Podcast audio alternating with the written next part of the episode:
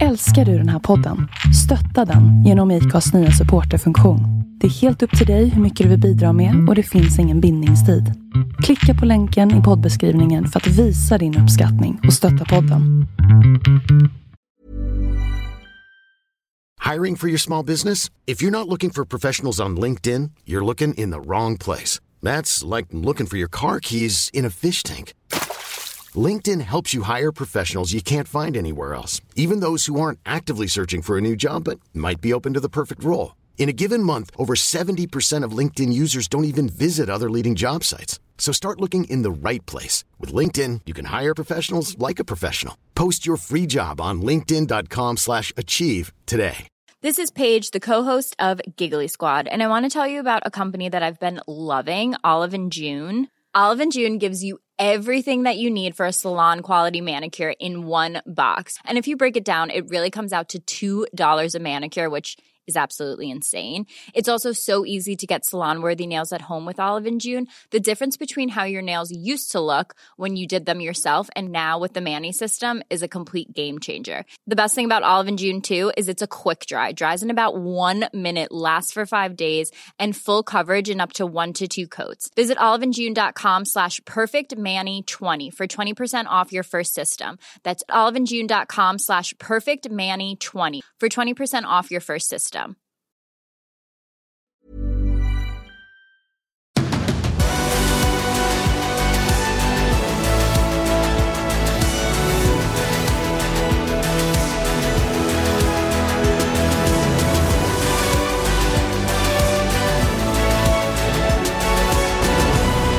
Hej och varmt välkomna till eh, ännu en MotoGP-podd i eh, denna vinterkyla. Tobias Lajon som vanligt och eh, Andreas Mårtensson. Hej Andreas!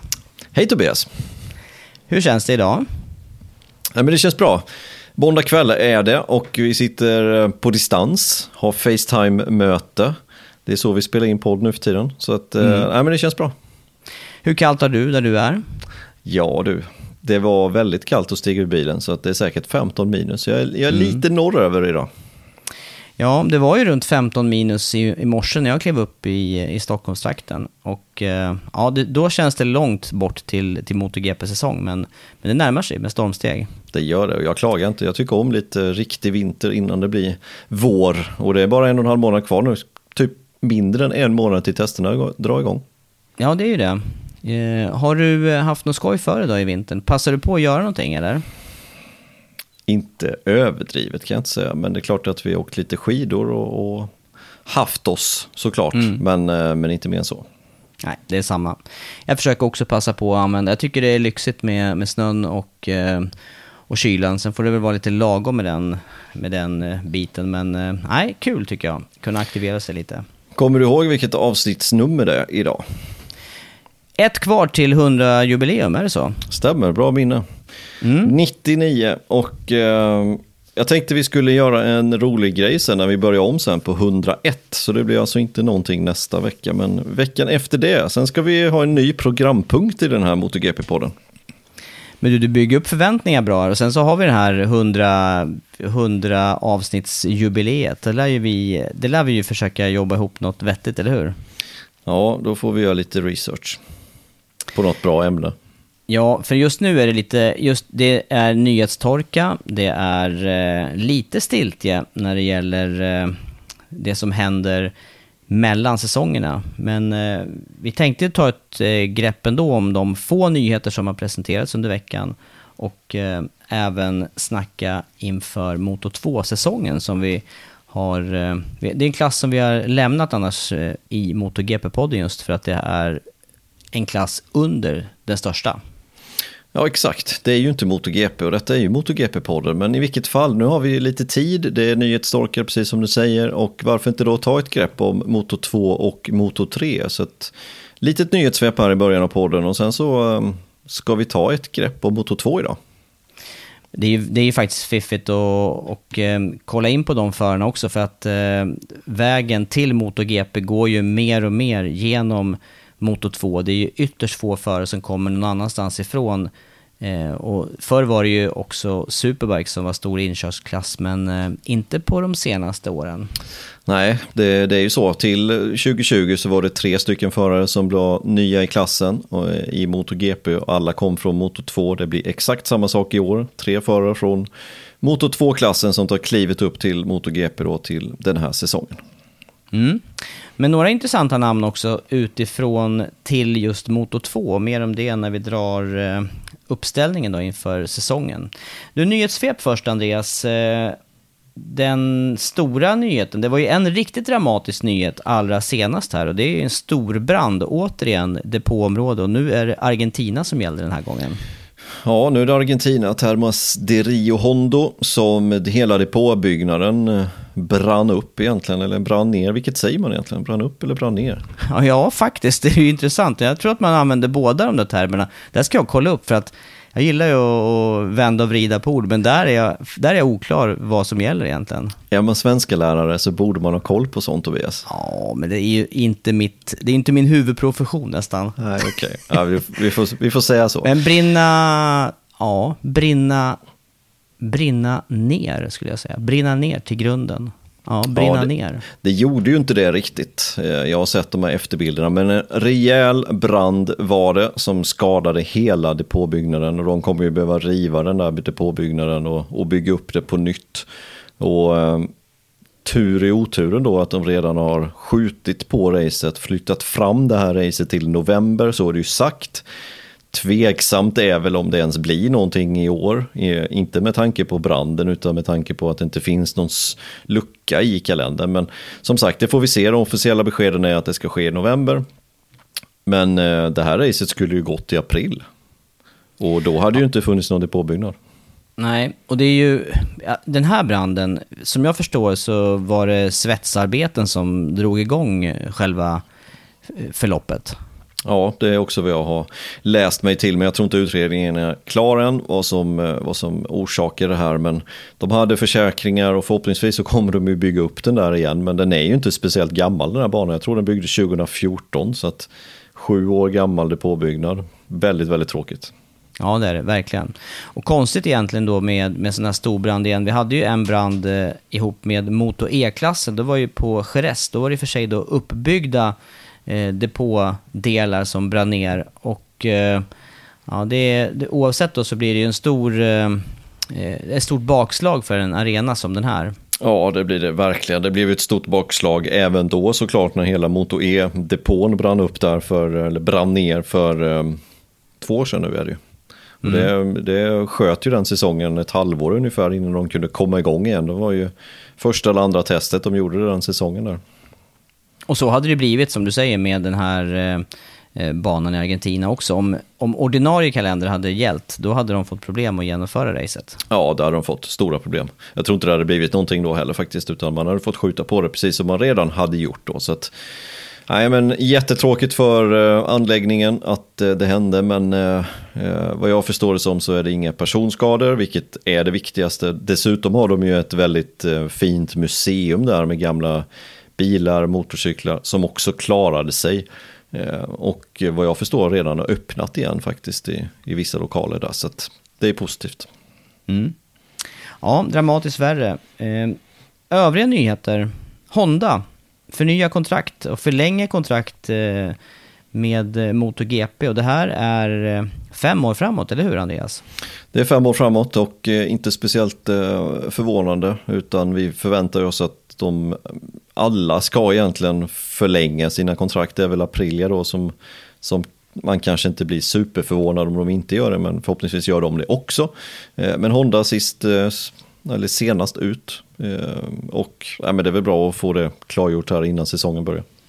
Men Honda är ju viktig, ett viktigt märke att ha med i mästerskapet. Nu var det ingen som eh, tvekade. Jag har i alla fall inte tänkt på att Honda skulle fundera på att dra sig ur det här mästerskapet. Men vi vet ju i andra sporter, att, eh, andra motorsporter, att det går i vågor och att team såväl som fabrikat drar sig ur. Eh, jag tänker på Volkswagen med eh, rallycross bland annat. Jag tänker på i eh, rally-VM också. Jag har för mig att eh, det var, ja, nu kanske jag är ute och seglar här, men om det var Toyota som som drog sig ur en period där. Och ja, det där blir ju återverkningar, men, men här har man ju byggt långsiktigt. Dorna har ju byggt långsiktigt både med eh, märkena och med teamen och det känns det som en ganska stabil struktur just nu. Ja, och med reglementet också som, eh, som också är väldigt bra som vi pratade om i förra veckans podd. Men det finns ju även någonting annat som ligger närmare. Det är just Honda som drar sig ur eh, eh Formel 1 e- efter nästa säsong.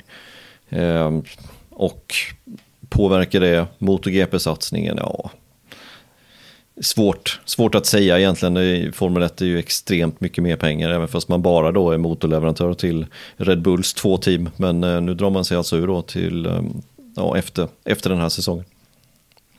Men Honda, just på motorcykelsidan, har i alla fall varit det, det ledande fabrikatet. Det måste man väl ändå säga under, under eh, historien i VM-sammanhang. Ja, det måste man göra. Och pratar vi sponsorship där så, så har ju det ryktats om att Repsol inte ska vara kvar en längre period. Nu skrev de dock på kontrakt igen här nu då. Jag vet inte om det var för en säsong eller två säsonger. Så det kommer bli Repsol igen. Men, och det har det ju varit nu.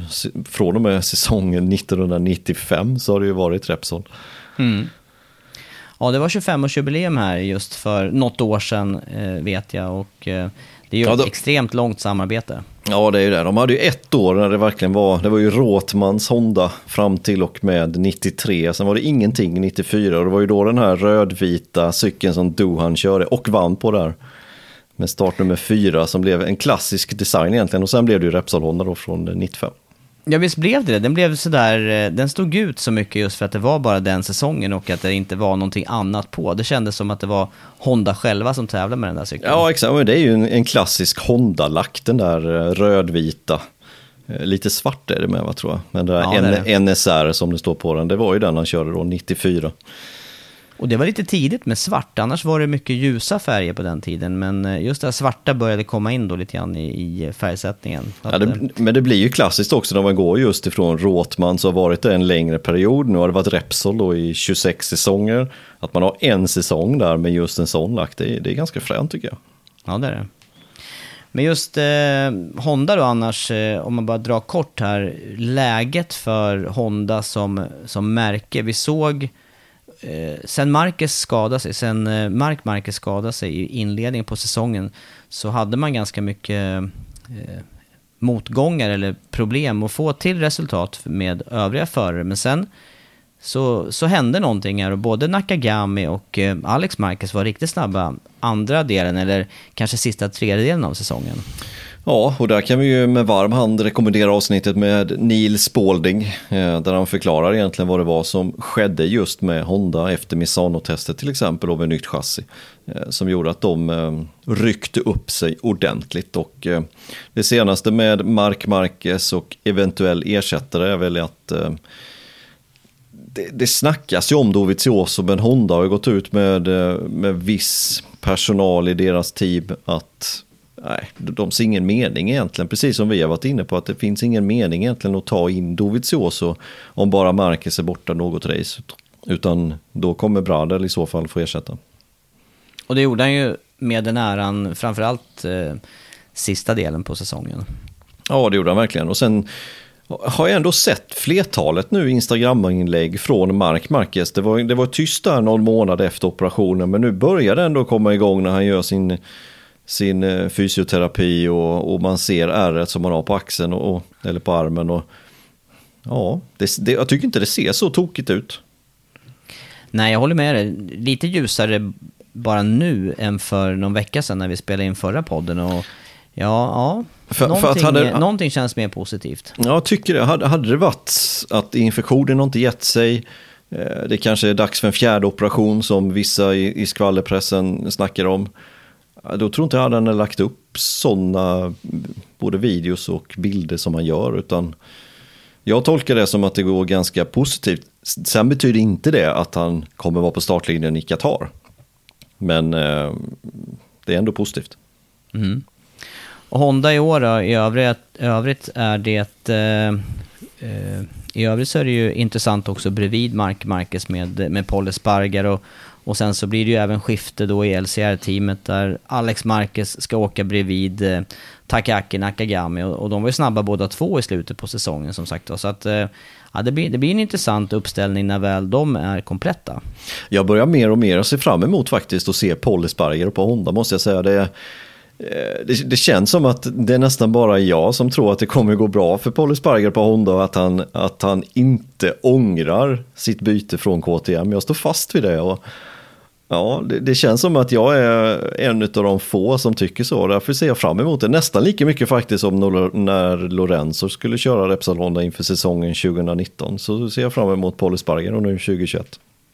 Men klart är att han har tagit steg framåt som förare och jag minns eh, en intervju jag gjorde med honom på Assen och då körde han för eh, Tech teamet och, och då var det ju ah, det, Yamaha och, och Paul Espargaro, det lirar inte riktigt men, men hos KTM så har ju han verkligen, eh, ja, där har han ju funnit sig till rätta och kanske har den körstil och den inställning som krävs också för att köra Hondan riktigt snabbt. Han är ju verkligen en förare som attackerar max i alla lägen.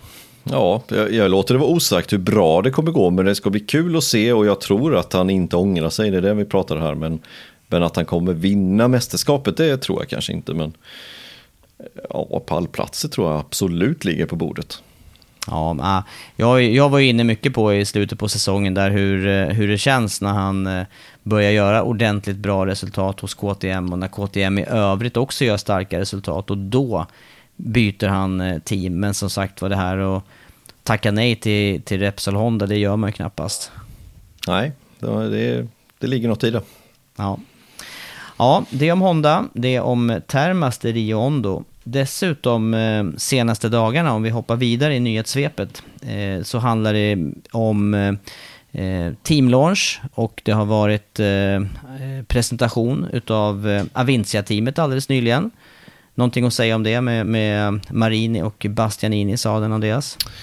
Nej, men det såg ju förväntat ut. Vi vet ju hur Marinis cykel ska se ut. Den ska ju vara en Sky Racing VR46-lack på den och sen står det Avintia på Bastianinis cykel. Så att inga, inga märkvärdigheter på det sättet. Men ändå kul att ha kommit igång och det kommer ju rulla på här nu de närmsta veckorna så kommer ju de flesta märkena. Jag tror det är Ducati imorgon när den här podden släpps, alltså tisdag eh, som ska släppa. Men ja, ska visa på att den är röd och vit.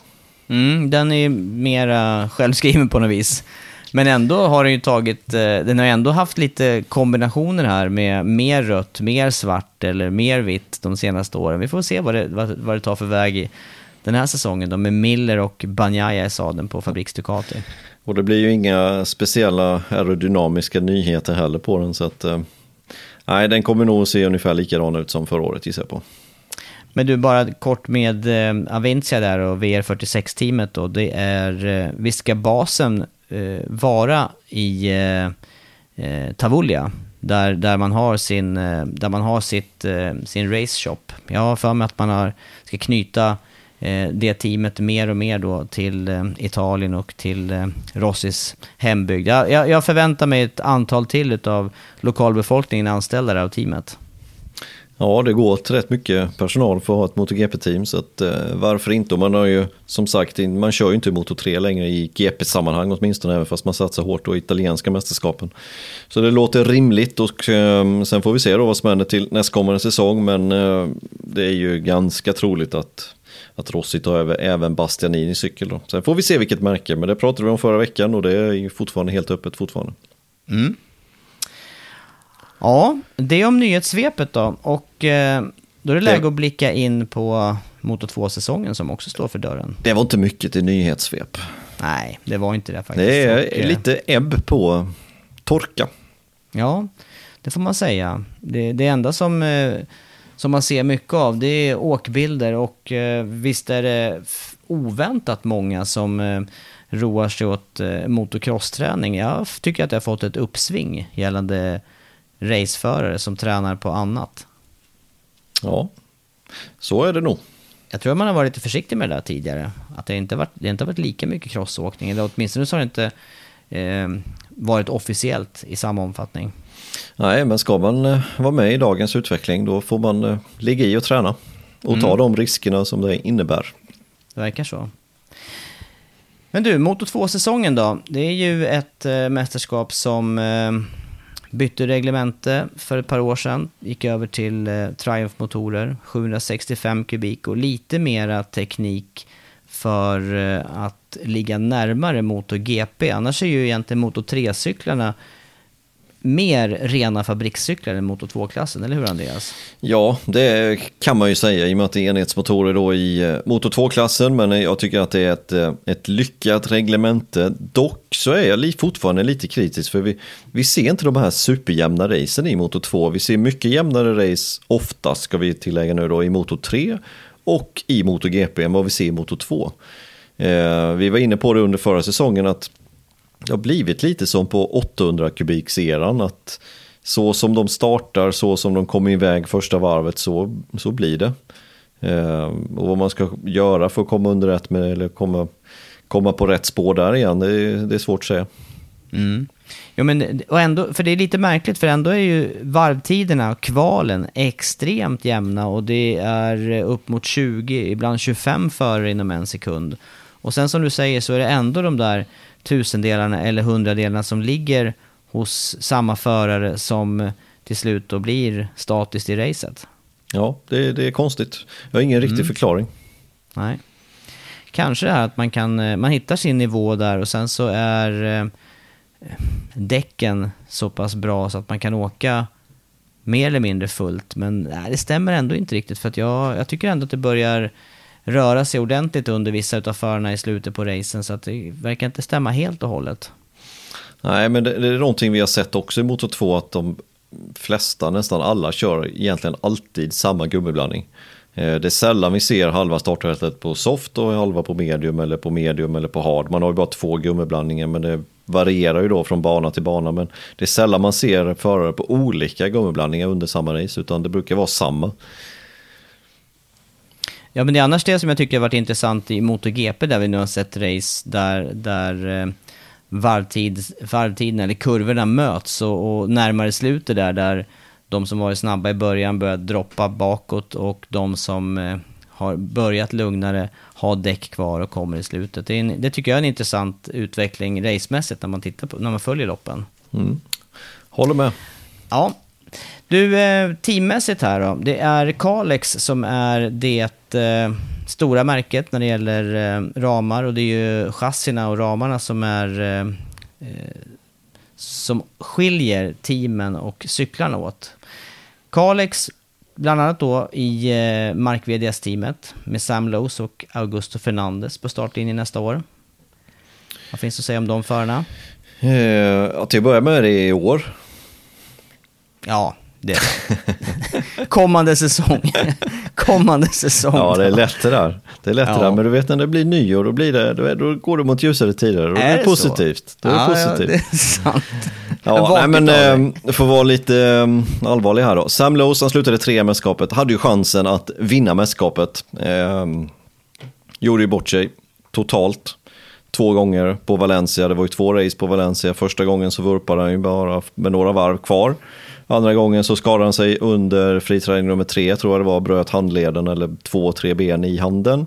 Eh, tog visserligen några poäng, slutade trea sen i Portugal, men det räckte ju fortfarande inte då, utan slutade trea mästerskapet till slut. Eh, frågan är om han kan hålla sin nivå, jag tror faktiskt att han kan det. Eh, det, det, ser intressant ut för Sam Lowes, för på något sätt så har han ändå filat bort de här eh, onödiga krascherna. Ja, jag håller med dig där. Och eh, olyckligt för honom, den här avslutningen på säsongen. Annars tyckte jag han var klippstabil. Vi ska komma ihåg att han började 2020 skadad. Och sen då de här misstagen på slutet av året, även om de var onödiga så, ja, han hämtade sig och, och det, svarade på all, allt motstånd just i Portugal. Det tyckte jag var en heroisk insats som han slutade säsongen med. Ja, verkligen. Eh, vilken hård kille, så kör de med brutna ben i handleden eller i jag vet inte exakt vilka ben det var, men någonting i handen var det ju åtminstone. Och, och bli trea i det racet, helt, eh, helt otroligt. Ja, men, eh, men, men Lowe's eh, är ju intressant namn där i Mark VDS. Mark VDS då som också blir av med sin sponsor där, Estrella Galicia. Möjligtvis att de är med på ett litet hörn, men jag tror faktiskt inte det. Elf kommer ju gå in där som huvudsponsor. Kommer säkert gå tillbaka till sin silver vinröda lack som de eh, hade där innan de hade ett samarbete med Monla och Estrella Galicia. Eh, ja. Och sen har vi Fernandes som är teamkamrat. Mm. Fernandes som, jag tycker inte han, eh, han, han levde inte upp för, till förväntningarna förra året. Nej, det gjorde han inte. Jag hade, jag hade mycket högre förväntningar, speciellt då efter 2019-säsongen. Han tog ju faktiskt en seger, tog han inte fler segrar förresten? Det kommer jag inte ihåg, men jag vet att han tog en seger på Misano åtminstone när han var utanför banan i fight med Dijan Antonio på sista varvet. Men jag, jag tror var det faktiskt... då han åkte med, eh, det var Baldassari och Fernandes i team då, visst var det så? Den säsongen, eller är jag ute och cyklar nu? Eh, men det kan det säkert ha varit. Och sen gick jag ju till Mark Vides till förra säsongen. Ja. Eh, men som sagt, han lyckades inte. Vad slutade han i mästerskapet till slut? Han slutade 13 plats med bara 71 poäng inkörda. Så att, ingen bra säsong. Jag förväntar mig mer av honom till den här säsongen. Mm. Det är Mark VDS-teamet, ett av de eh, absoluta toppteamen då med eh, bland annat eh, VM-titlar, eh, senast då med eh, Alex Marquez. Gresini, Moto 2. Federal Oil Gresini kommer de att heta. Kalix chassi. Här är Nicolo Bulega och eh, Fabio Di Gianantonio den här säsongen. Ja, och till att börja med så hoppas vi att eh, det går bra för Gresini, fortfarande på sjukhus, men det verkar vara lite mer stabilt då för Fausto Gresini i sin covid-19 sjukdom. Eh, hoppas att det blir bättre just teamet ser ju bra ut. Eh, Bulega, Didier Antonio, Bulega som inte fick eh, förnyat förtroende i VR46 för några år sedan gick ju till Gresini till förra säsongen och rosade inte marknaden. Och det känns väl som att det börjar gå in på sluttampen här med hans försök om han ska komma någonstans. Mm, det tycker jag.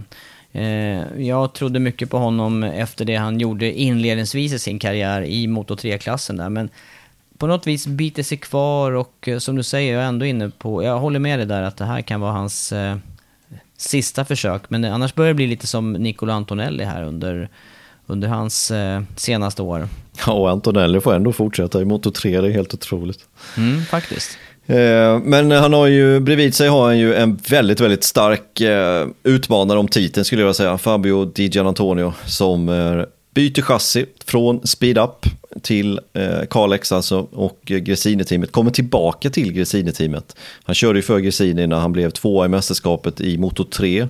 Då var det ju Jorge Martin som vann det mästerskapet 2017 kanske? 18? Mm, 18 var det nog. 18, ja. Eh, 17 vann väl Mir, men 18 var det och eh, ja, de har ju en historia helt enkelt i Gresini-teamet.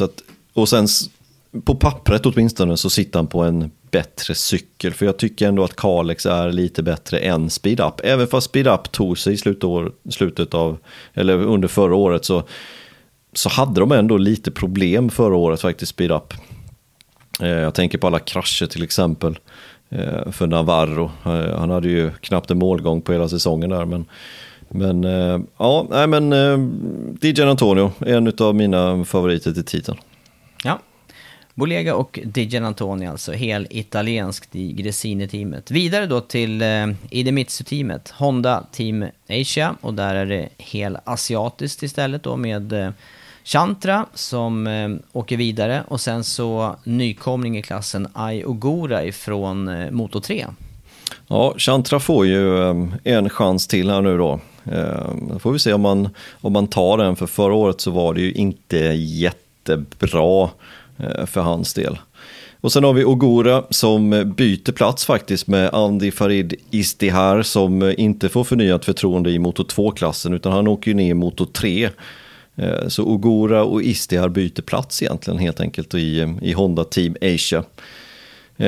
Ogura som, han gjorde en bra säsong förra året i Moto 3, lyckades inte ta titeln utan klivet upp istället. Ja, ja jag vet inte om det är ett år till för tidigt. Nej, kan vara. Eh, det var ju just det här med att vinna race som var problemet för Ogura och just eh, att vinna race i Moto 2 kanske ännu svårare som sagt var med eh, jämnheten. Här gäller det verkligen att vara med under kvalen och det finns mindre att göra under racen i Moto 2.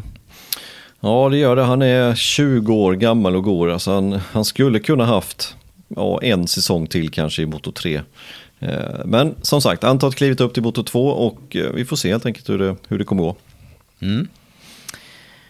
Idemitsu-teamet alltså, även de med Kalex-chassi. Sen är det Italtrans-teamet och eh, där blir det eh, skifte. Eh, Joe Roberts tar en av styrningarna och sen är det Lorenzo Dalla Porta på den andra. Ja, och Dalla Porta får ju fortsatt förtroende. Han vann ju VM i Moto 3 då, 2019 och sen hade han ju en rätt dålig säsong förra året, var ju i princip sist hela tiden. Så att han behöver hitta mer fart, eh, Porta, och visa att han, han är världsmästare en gång i tiden. Eh, och sen är det Roberts då som, som tar Bastianini styrning och det är ju världsmästarstyrningen så att säga som Roberts eh, går över till. Roberts alltså som byter från eh, det amerikanska teamet American Racing och eh, går in då i Italtrans istället. Och, ja, det har varit lite kritik mot det där, eh, att han valde just den vägen. Han hade ju på bordet att kunna köra MotoGP för Aprilia och eh, tackade nej till det eh, för att då köra i Italtrans. Och jag tror att det hänger ihop lite med att han har han sitter på en bra cykel i ett bra team, ska vi komma ihåg. Bastianini vann VM på den cykeln förra året, så att han ser nog sin chans här nu att kunna göra en riktigt stark säsong. Ja, och just det här bytet annars då till Aprilia som hade varit aktuellt. Finns ju risk att det blir återvändsgränd när det gäller eh, en, en, satsning som, som sådan när med en inte fullt konkurrenskraftig cykel. Det, det kan vara början bakåt och utåt ur det här mästerskapet också. Det kan det vara, för, för går man till MotoGP som eh, rookie då, eh, då kommer man jämföras med de tre andra rookiesarna som man har, alltså Bastianini, Marini och Martin, alla på Ducati, vilket är bättre cyklar än Aprilian. är. Så att då blir det tufft att vara sist där, då är det precis som du säger, det kan, det kan bära ut för då istället. Så att nu väljer han den här, även fast han fick mycket kritik från manager och teamchef då i American Racing och allt vad det var. Men han valde det här steget istället och det ser om man kan fortsätta utvecklas, för han tog ju stora kliv till förra säsongen. Um, och, och, det är inte så konstigt kanske, för han körde ju på undermåligt material året innan då i American Racing när de körde KTM istället. Så gick ju de till Kalex förra året, men jag tror ändå det är bättre team det här, eller det är bättre team, Italtrans-teamet. Um, ehm, ja, de har mer erfarenhet av Kalex förra året ska vi komma ihåg, det var första året med Kalex då för det teamet också och det är inte helt enkelt. Två pole blev det i alla fall. Det blev pole i Qatar och det blev pole i Tjeckien för Robert. Så där kom ju även en pallplats för hans del. Så att, eh, det blir intressant under säsongen, definitivt. Och eh, det är eh, mycket möjligt att det är nästa stora namn ifrån eh, Nordamerika. Ja, jag tänkte fråga dig, kommer vi få höra Förenta Staterna USAs nationalsång någon gång ja, tror Ja, det är frågan. Eh, ja, det är mycket möjligt att det kan bli så. Om inte Roberts då så kanske, kanske skulle skrälla med, med Bobbier som vi kommer till längre fram här. Ja. Ja, det om Italtrans-teamet då. Och... Eh,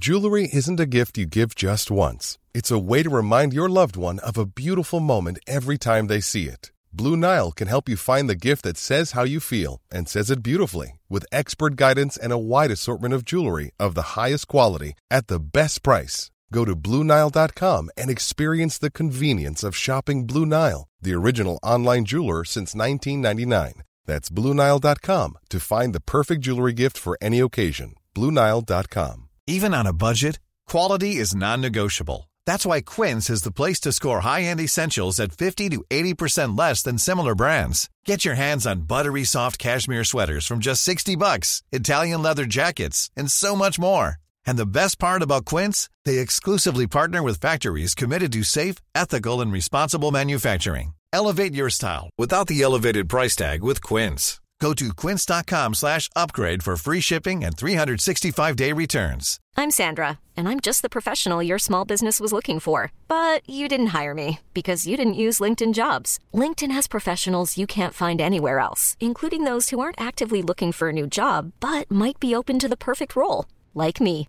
In a given month, over 70% of LinkedIn users don't visit other leading job sites. So if you're not looking on LinkedIn, you'll miss out on great candidates like Sandra. Start hiring professionals like a professional. Post your free job on linkedin.com achieve today.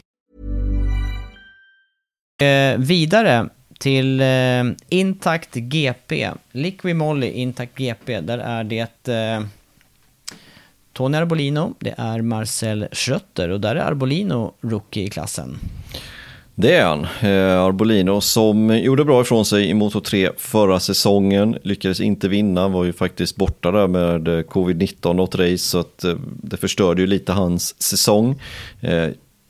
Och gå in alltså i intakt intakt-teamet. Och det trodde jag faktiskt inte. Jag trodde inte att Lytti skulle åka ut, för det, han, han tar ju Lyttis plats i det teamet. Lytti som verkligen inte rosade marknaden förra året, men i vilket fall som helst så petar de honom och så tar de in Arbolino. Och det ska bli spännande att följa hans utveckling. Jag tror att den kan, det, kan gå framåt rätt snabbt takt faktiskt. Mm.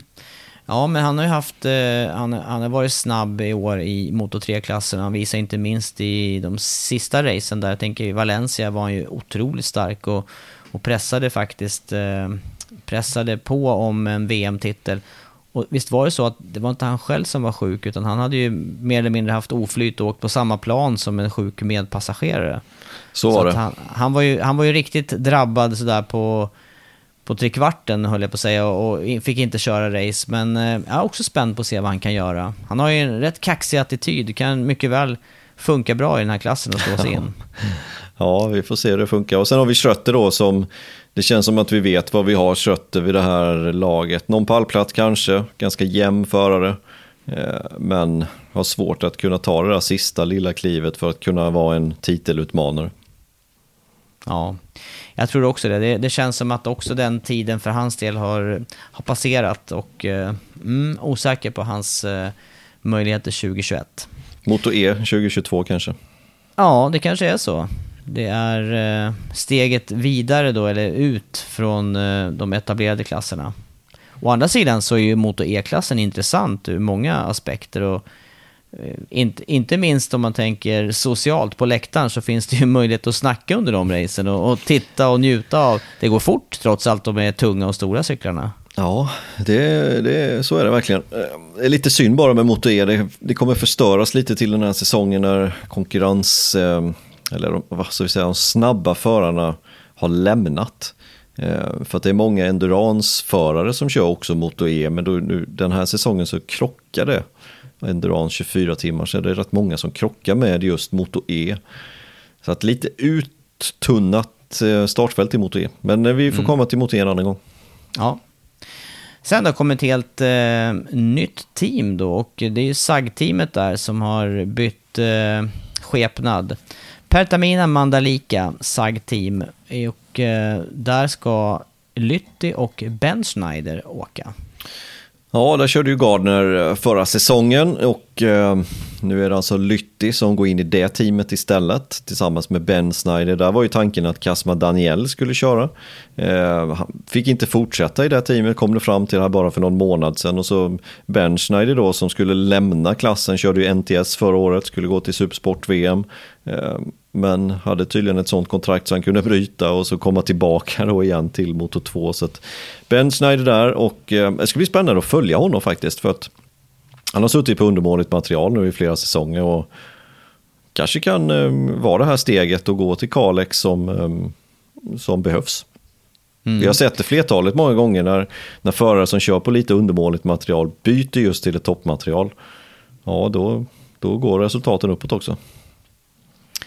Och eh, veteranen Lytter då, ger du honom några chanser att, glänsa? Kanske, ja, han hade det tufft som du sa förra året. Ja, riktigt, riktigt tuff eh, säsong förra säsongen. 72 poäng alltså.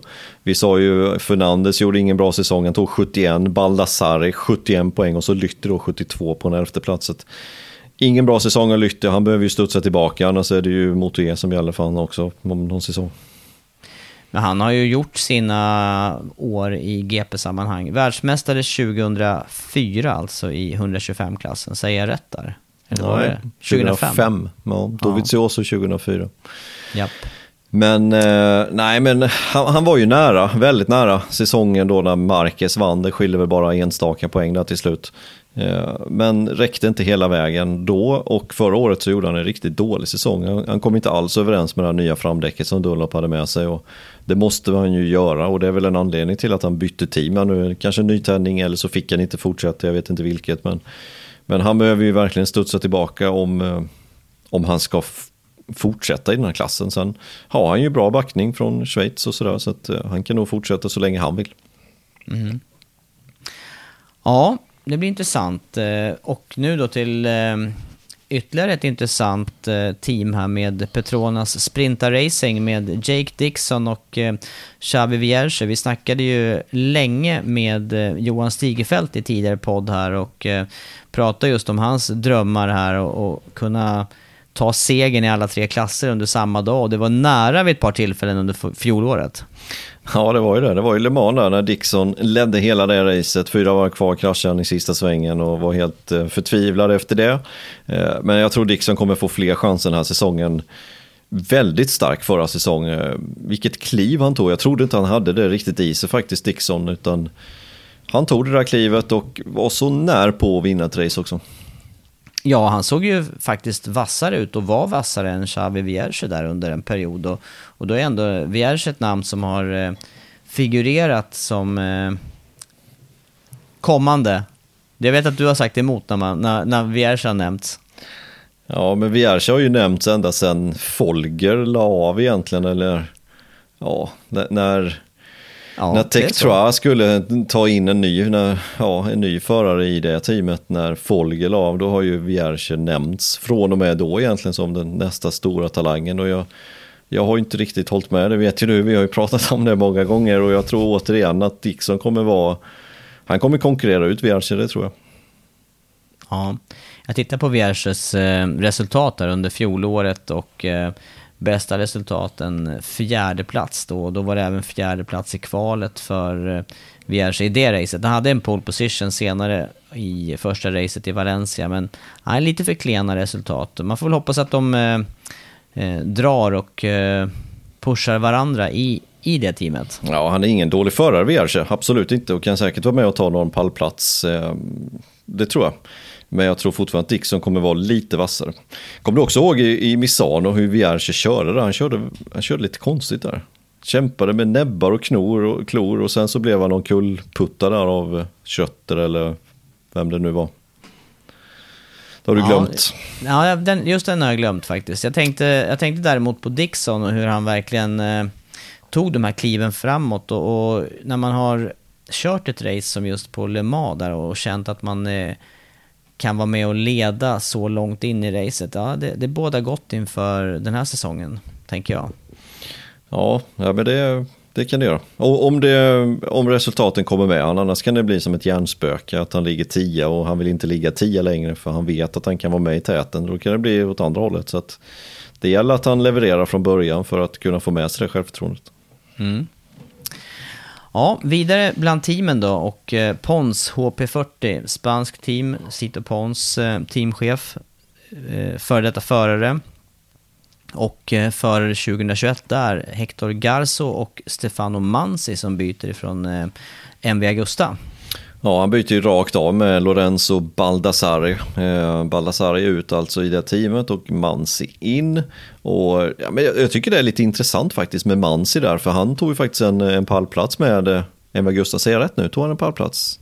Han, var med, han tog någon pole position till och med tror jag. Jag tror både han ja. och Corsi tog en pole till slut under förra säsongen. Så att Mansi är på gång. Han var ju den som avrundade listan för någon säsong sedan, men han har verkligen tagit sig och är ju med i, i Rossis akademi VR46 och tränar på ranchen mot just Rossi och alla andra italienare där. Så att eh, det är en bra sporre för honom och som säkert har hjälpt honom och blivit så snabb som han är. Ja, men med rätt jämna resultat. Det var en pole i Valencia som du sa och sen eh, mellan 15 och 20 plats i mål, någonstans i mitten men ändå en hel del poängplatser för Mansis del då. Så att eh, litet kliv uppåt för honom eh, och det kan det mycket väl bli ihop med Pons-teamet tänker jag. Ja det kan det verkligen bli och gå från MV Augusta som också är lite, lite sämre chassi till um till Kalex. Så att, eh, intressant att följa. Garso eh, vet vi inte riktigt vad vi har. Jag tycker han var en ganska osynlig filur förra säsongen. Ja, jag håller med dig där. Det får vara Dark Horse. För min del, det är den som ger mycket pengar tillbaka om man satsar på honom. Ja. Ja, sen har vi då Red Bull, KTM, Ajo-teamet och där eh, släppte man ju just KTM som chassitillverkare och, och kör eh, Kalex. Eh, extremt välrenommerat team då med Aki Ajo som teamchef. Här åker eh, Raúl Fernandez och eh, Remy Gardner. Det blir intressant. KTM Ajo med Kalex-chassi och en Triumph-motor. Mm, det är en riktig blandning där. Ja, Hur? Nej, men Rolf Fernandez, jag trodde han skulle vara kvar faktiskt i Moto 3, men han tar klivet upp. Tycker de, eh, de tycker att han är lite för stor för Moto 3. Tar klivet upp eh, till Aki Akiayos Moto 2-team istället. Han är född 2000 så att han är ju ändå eh, 21 år gammal, eller fyller 21 i år. Fernandez, så att, eh, det, var väl, eh, det var väl dags för han att ta klivet upp. Men sen är det ju intressant då med Gardner eh, som lämnar alltså SAG-teamet. Eh, Lytte går ju dit och sen eh, Gardner in i det här toppteamet då, tar Martins styrning då från förra säsongen. Så att, ja, det, det, det var ju Martin och Nagashima som körde i det här teamet eh, förra säsongen nu, Fernandes Gardner. Så att Gardner blir spännande att följa. Eh, han har varit på gång länge, inte riktigt fått det att lossna. Kan han få det att lossna så, ja, varför inte? Nej, och jag tror också att eh, omgivningen där med teamet som sådant kan lyfta båda de förarna. Dels bästa förutsättningar för Rolf Fernandez som redan känner strukturen och vet vilka som, Eh, som arbetar. Men också för, eh, för Remy Gardner då som, som just har varit väldigt ojämn i sina resultat. Kan eh, kanske få hjälp med den saken i det här teamet tänker jag. Han slutade sexa förra året. Ja, då ska vi komma ihåg att det är ju på ett, ett chassi som, ett Kalex-chassi i SAG-teamet, men de körde ju också fjolårschassit i, den, i det teamet. De körde inte de senaste grejerna. Så att det, det kommer vara ett lyft för Gardner. Frågan är hur stort det kommer vara. Mm. Ett intressant team till har vi därefter, Sky Racing Team VR46. Där eh, rookie-klassen, Celestino Vietti från Moto 3 och sen Marco Besecchi som eh, kan vara en av titelkandidaterna den här säsongen. Det kan han mycket väl vara. Besecchi som eh, gjorde riktigt bra förra säsongen, hade ju chans på mästerskapet långt in på säsongen, hade inte den här vurpan kommit i, ja, vilket var det nu, första Aragon var det väl. Eh, och sen kanske Ja. han även andra Aragon-racet, men då hade han varit uppe i mästerskapsledning och då vet man inte riktigt var någonstans det hade slutat för Besecki. Så Besecki får ses som en av de stora favoriterna. Eh, och i team alltså med Vietti som eh, får ta klivet upp då från Moto 3. Och ja, duktig förare, ung förare. Gjorde bra i Moto 3 förra året så att det, är, det är ett riktigt starkt team. Kanske, kanske inte i klass med eh, fjolårets team då med, eh, med Marini och Besecki men inte långt ifrån. Nej, och just Vietti där vet vi när han debuterade i Moto 3, då, då blev det, visst var det pallplats direkt i första racet för hans del? Jag tror det, i Australien va? Eller? Ja, jag tror, ja exakt. Ja. Så eh, ja, det ska bli intressant att följa de två och där vet vi ju hur man Eh, hur mycket det jobbas med samarbete mellan förarna. De, de tränar tillsammans också där i eh, V46-akademin såklart. Sen är det då American Racing Team med eh, Cameron Bobier och Marcos Ramirez. Bobier som vi känner ifrån amerikanska Superbike-mästerskapet och han har ju dessutom kännedom om de här banorna i VM-sammanhang också ifrån Red Bull Rookies Cup tidigare. Ja, även en säsong i eh, Moto 3 tänkte jag säga, men då var det 125 på den tiden och då körde han ju ett team med en viss Mark Marquez. Så att eh, han har kännedom om banorna. Eh, det blir jätteintressant där. Det, det kanske blir det mest intressanta med Moto 2, det är att följa hans framfart måste jag säga. 2009 var året som han eh, då körde i 125, gjorde inget väsen av sig den säsongen, tog knappt poäng. Eh, tre poäng tror jag han slutade på till slut. Det var- inte många i vilket fall som helst. Så att... Men sen dess har det ju hänt mycket med hans utveckling självklart. Ehm, I, I AMA eller Moto America, Superbike. Hur många titlar har han där nu? Är det fyra eller fem eller något liknande? Ja, det, jag, jag satt just och funderade själv här om det, är, om det inte var femte han tog här den här senaste säsongen. Jag tror det faktiskt. Ja, jag tror också det.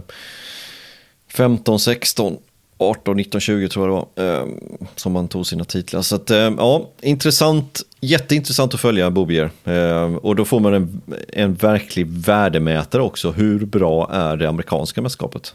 Mm, exakt, som är på väg ändå tillbaka lite grann eh, i, eh, i popularitet. Eh, senast tror jag att jag läste att eh, Loris Bass ska över och köra där under eh, 2021. Ja, det blir också stämmer. intressant att se hur, hur väl han tar sig där. Ja, det stämmer. Han ska över där och köra Ducati, var det inte så? Jag tror han ska köra Ja, Ducati. möjligt. Ja. Mm. Och det, det är ju intressant också med Ducati i Motoramerika, för det är de ju inte bortskämda med, utan det brukar ju vara Suzuki och ja, Honda har väl varit där också. Ja, och Yamaha då. Och Yamaha. Ja. Sa vi någonting om Ramirez här för övrigt, eller? Vi sa ingenting om eh, Ramirez, eh, men han behöver också ta något kliv. Han var hyfsat osynlig förra året. Han gjorde något bra resultat. Eh, vad slutade han till slut i mästerskapet? Nu får jag bläddra lite. 19 plats, 37 poäng. Vi ser vad han har som bästa. Han tog ingen pallplats. Jag vill ha för mig att han gjorde det, men det gjorde han då inte. Nej, han behöver, jag, jag tycker att han behöver rycka upp sig lite grann, även fast det blev bättre och bättre under säsongen. Eh, så behöver han rycka upp sig lite. Och han, eh, Ramirez, jag, nu kommer jag inte ihåg exakt vad han slutade i mästerskapet eh, i Moto 3. Men han, han har ju knappt råd att bli utkonkurrerad här av, av Bobier. Nej, precis. Han måste visa sin nivå på något sätt, annars eh, vet jag inte vilka alternativ som står till buds för hans del. Nej, nej, Nej. exakt. Eh, nej, det är en viktig säsong för hans del eh, tillsammans med Bobier. För då är det också så att Ramirez borde vara den som guidar in i mästerskapet på något vis för det teamet. Ja, lite så. Och nu googlade jag fram. Han slutade trea 2019, Ramirez. Så att eh, var ju med bra där. Körde för Leopard Racing i, i Moto 3-klassen. Så att, ja, det är hård intern kamp skulle jag påstå i det teamet. Mm.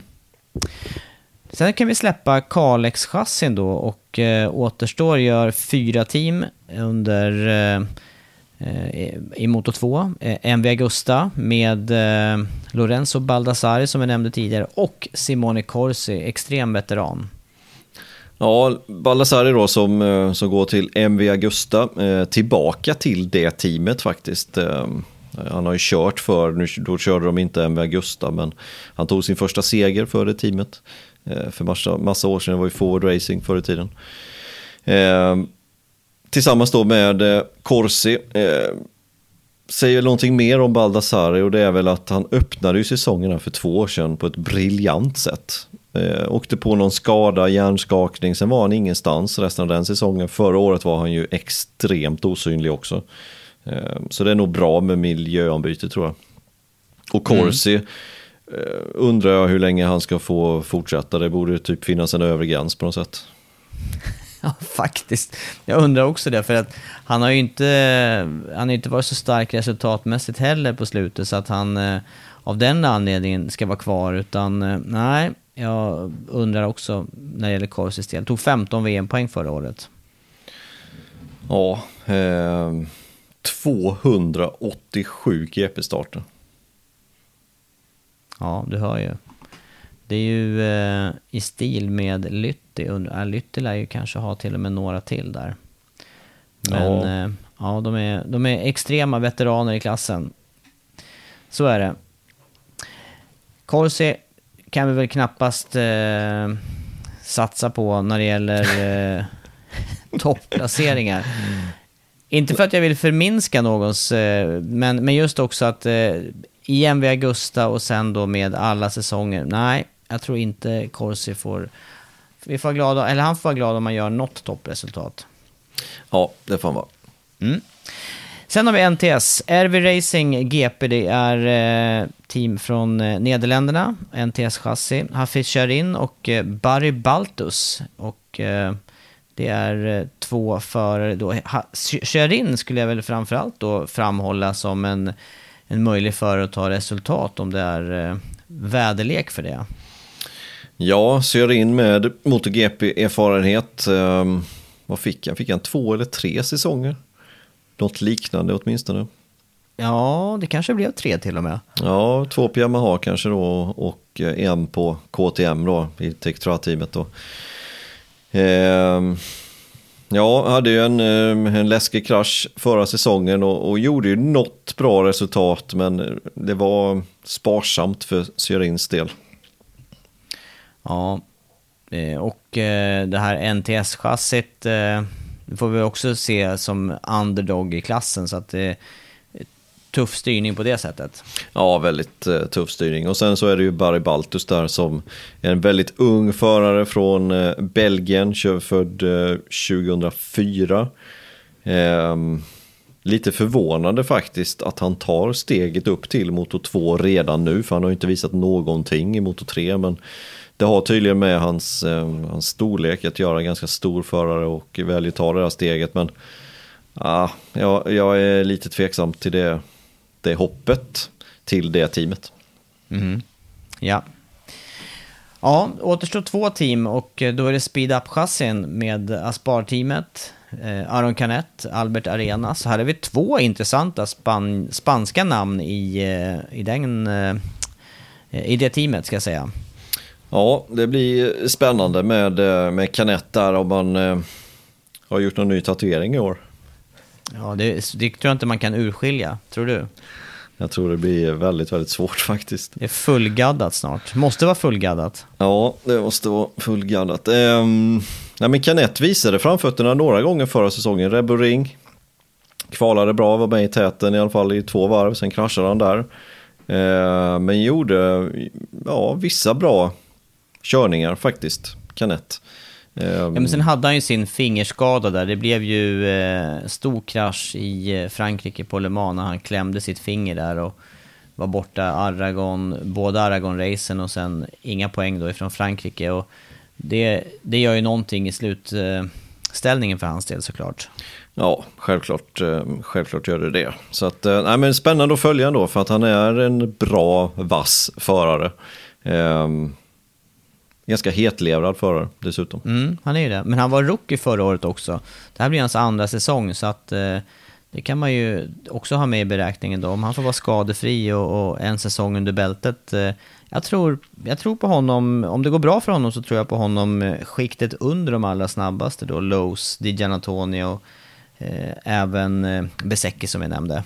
Ja, men jämför eh, Jämför Canets fjolårssäsong som blev då, han blev ju tvåa i Moto 3 2019. Och vann 2019 gjorde ju Dalla Porta. Jämför Dalla Porta och Canet under förra säsongen. Det är ju ljusår de ifrån, de emellan. Ja det är det. Dalla Porta med fem poäng. Canet 67, så att eh, ja, stor skillnad. Ja, Aspar-teamet eh, och och eh, vad säger du om Arenas då? Regerande världsmästare i eh, Moto 3. Det har inte varit helt automatiskt att man är blixtsnabb i Moto 2 direkt ifrån Moto 3-klassen. Nej, men eh, fördel för Arenas är att han är eh, lite mer mognare, om vi får säga så. Han är född 96, så han är ju en riktig veteran här i, i sammanhanget. Eh, 25 år gammal alltså. Och eh, men jag, jag tror på Arenas eh, stark fjolårssäsong i Moto 3 och eh, ja, vann ju, vann ju till och med mästerskapet. Så att, eh, ja, det, det, jag tycker han är spännande på något sätt. För han kör med insidan. Han, han är en tänkande förare. Han är kanske den nya Dovi. Ja, det finns vissa likheter där just med eh, beteendet. Och sen tycker jag också att eh, värt att lyfta, han hade ju sin... Eh, han hade ju sin krasch och, och faktiskt skada på Jerez när han flög ordentligt ut i sandfållan i avslutningen på varvet och sen var han ändå starkt med i, eh, i Tjeckien redan någon vecka senare, eller två veckor senare. Ja, lätt att eh, kunna koppla bort det där. Ja. Däremot så stod han ju för eh, förra årets största magplask. Ja, det får vi faktiskt säga. Du menar Valencia, eller hur? Ja, exakt. När han eh, var inne i depån i fyra varv och meckade efter en krasch och sen ut igen och blandade sig i toppstriden där med bland annat Ogora körde han om rätt tajt och allt vad han höll på med. Ja, det var, då var han inte riktigt tänkande. Då hade han lagt tänkandet nej. åt sidan. Ja, nej, det var inte snyggt. Nej. Han ska vara glad att han inte fick någon bestraffning på det, förutom en svart flagg som han fick. Faktiskt. Ja, det var en plump, det var en plump i protokollet. Vi får hoppas ja. att han har kommit förbi den nu då. Ja, Men det är en ju... intressant uppställning här också. Aspar-teamet är ju ett, eh, ett vasst team i sig. Och sen just speed up-chassit, du var inne på det tidigare där. En hel del krascher under fjolåret då för Navarro som vi har kvar här. Han åker ju vidare i speed up. Men eh, också ett chassi som kan vara blixtrande snabbt på vissa banor. Ja, verkligen. Och bra in i svängarna brukar de vara. Ja, visst är det väl också där krascherna har kommit. Det kanske, det kanske är också så att man som förare då på den cykeln känner att här finns det meter att hämta i ingångar och, och satsa lite hårdare än vad man gör annars. Ja, så pushar man lite, lite för mycket. Mm. Sista teamet, Speed Up Racing, eh, italienskt team med eh, Jari Montella och Jorge Navarro i sadeln. Ja, och Navarro är ju den starkare, eller får i alla fall ses som den starkare i teamet utav dem. Navarro som hade en bra säsong för två säsonger sedan, men förra säsongen var ju den var ju bedrövlig, så många nollor som han hade. Han kraschade ju, jag tror att, jag tror att han vann kraschstatistiken om det är nu någonting att vinna. Men eh, jag tror han kraschade flest gånger av alla förare i teamet, så att, eller alla förare i klassen. Så att, eh, ingen bra säsong, han behöver verkligen studsa vidare och studsa mm. tillbaka. Ja. Eh, Montella där, vad säger du om honom? Nej men ett eh, framtidsnamn absolut. Eh, vann ju EM eh, i eh, Moto 2 förra säsongen, alltså spanska mästerskapet. Eh, vinner man där då är man vass, även fast det har tappat lite stingen tycker jag väl senaste tiden. Eh, men han vann det mästerskapet och eh, det blir spännande att se honom på, på den stora scenen. Mm. Ja, helt klart en hel del eh, namn att hålla utkik efter under säsongen här då. Men de eh, starkaste namnen där tillbaka då, Lowe's för mig, Lowe's, eh, Di Gianantonio och Besecki. Och eh, jag vet inte vem jag rankar högst där, men kanske, kanske Besecki då som, eh, ja, han var väl ändå den som gjorde bort sig minst. Eh, han slapp ju åtminstone skador eh, utav de här kanske var mer slumpartat för Lowe's del, men Lowe's tyckte jag mer slängde bort eh, sin titel än vad, än vad eh, Besecki gjorde. Men jämnt skägg dem emellan. Ja, nej, men jag håller med dig. Det är, det är de, de tre ser jag också som favoriter. Lowe's, Digen Antonio och Besecki. Och sen hur man ska ranka dem, jag, jag kan inte heller riktigt ranka de tre. Alltså det, det, det man kan säga är att Lowe's och eh, eh, Besecki fortsätter i samma team som de körde i förra året. Det gör inte DJ Antonio utan han gick ju till Gresini och Kalex istället för att köra eh, speed up. Och jag tror att det kommer vara en, en fördel för honom. Men innan man har sett dem första gången så vet man inte hundra. Det kan vara att det inte riktigt passar. Eh, och det kan vara en liten startsträcka. Den startsträckan kan göra att man inte till slut är med, med i mästerskapet. Så att kanske lite ett frågetecken då för DJ Antonio. Eller så blir det helt tvärtom, att det blir en perfect match och en bra cykel. Han kör lika som förra året och han dominerar. Det, det vet vi inte än, men osäkert kort är det i alla fall utav de tre då. Mm. Ja, det är årets eh, startfält och eh, team i eh, Moto 2-klassen alltså. Och eh, Andreas, det är eh, 100, 100 programs jubileum nästa gång. Vad tar du och eh, vad, vad, laddar du upp med egentligen inför det avsnittet? Ja, jag vet faktiskt inte. Hur ska vi fira detta? Nej, det här, det här är verkligen en stor uppgift. Jag, jag, skulle ju önska, jag skulle gärna få in lite önskemål faktiskt, vad det skulle kunna innehålla. Ja. Eh, för just nu så är det, som vi inledde den här, eh, den här podden med lite torka när det gäller nyheter. Det är lite torka ja, vi kanske får gå, gå utanför ramarna och, och köra något helt fristående. Ja, vi får, vi får göra Men sen börjar vi om i alla fall räkningen ju. På 101 ja. efter det och då som sagt då blir det en ny programpunkt i MotoGP-podden. Mm. Det kan alla lista ut vad det är för någonting, det är ju som alla andra poddar har, men nu blir det så. Det låter bra tycker jag. Dags att runda av, eller vad säger du? Jag tycker det. Och så, så vill vi tacka alla våra patreons alla som stöttar denna podden, alla som skriver eh, kommentarer, gillar och har er på våran Instagram. Stort tack! Tack för detta avsnitt och eh, ha en eh, fin vecka så hörs vi snart igen.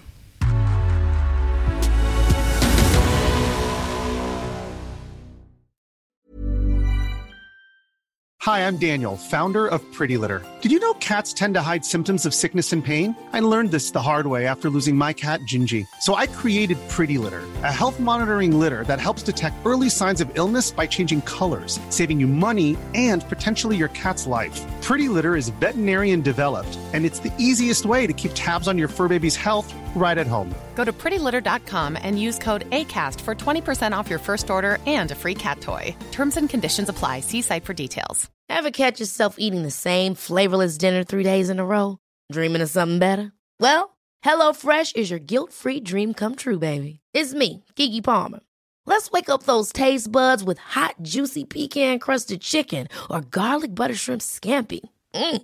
Hello Fresh. Stop dreaming of all the delicious possibilities and dig in at HelloFresh.com. Let's get this dinner party started.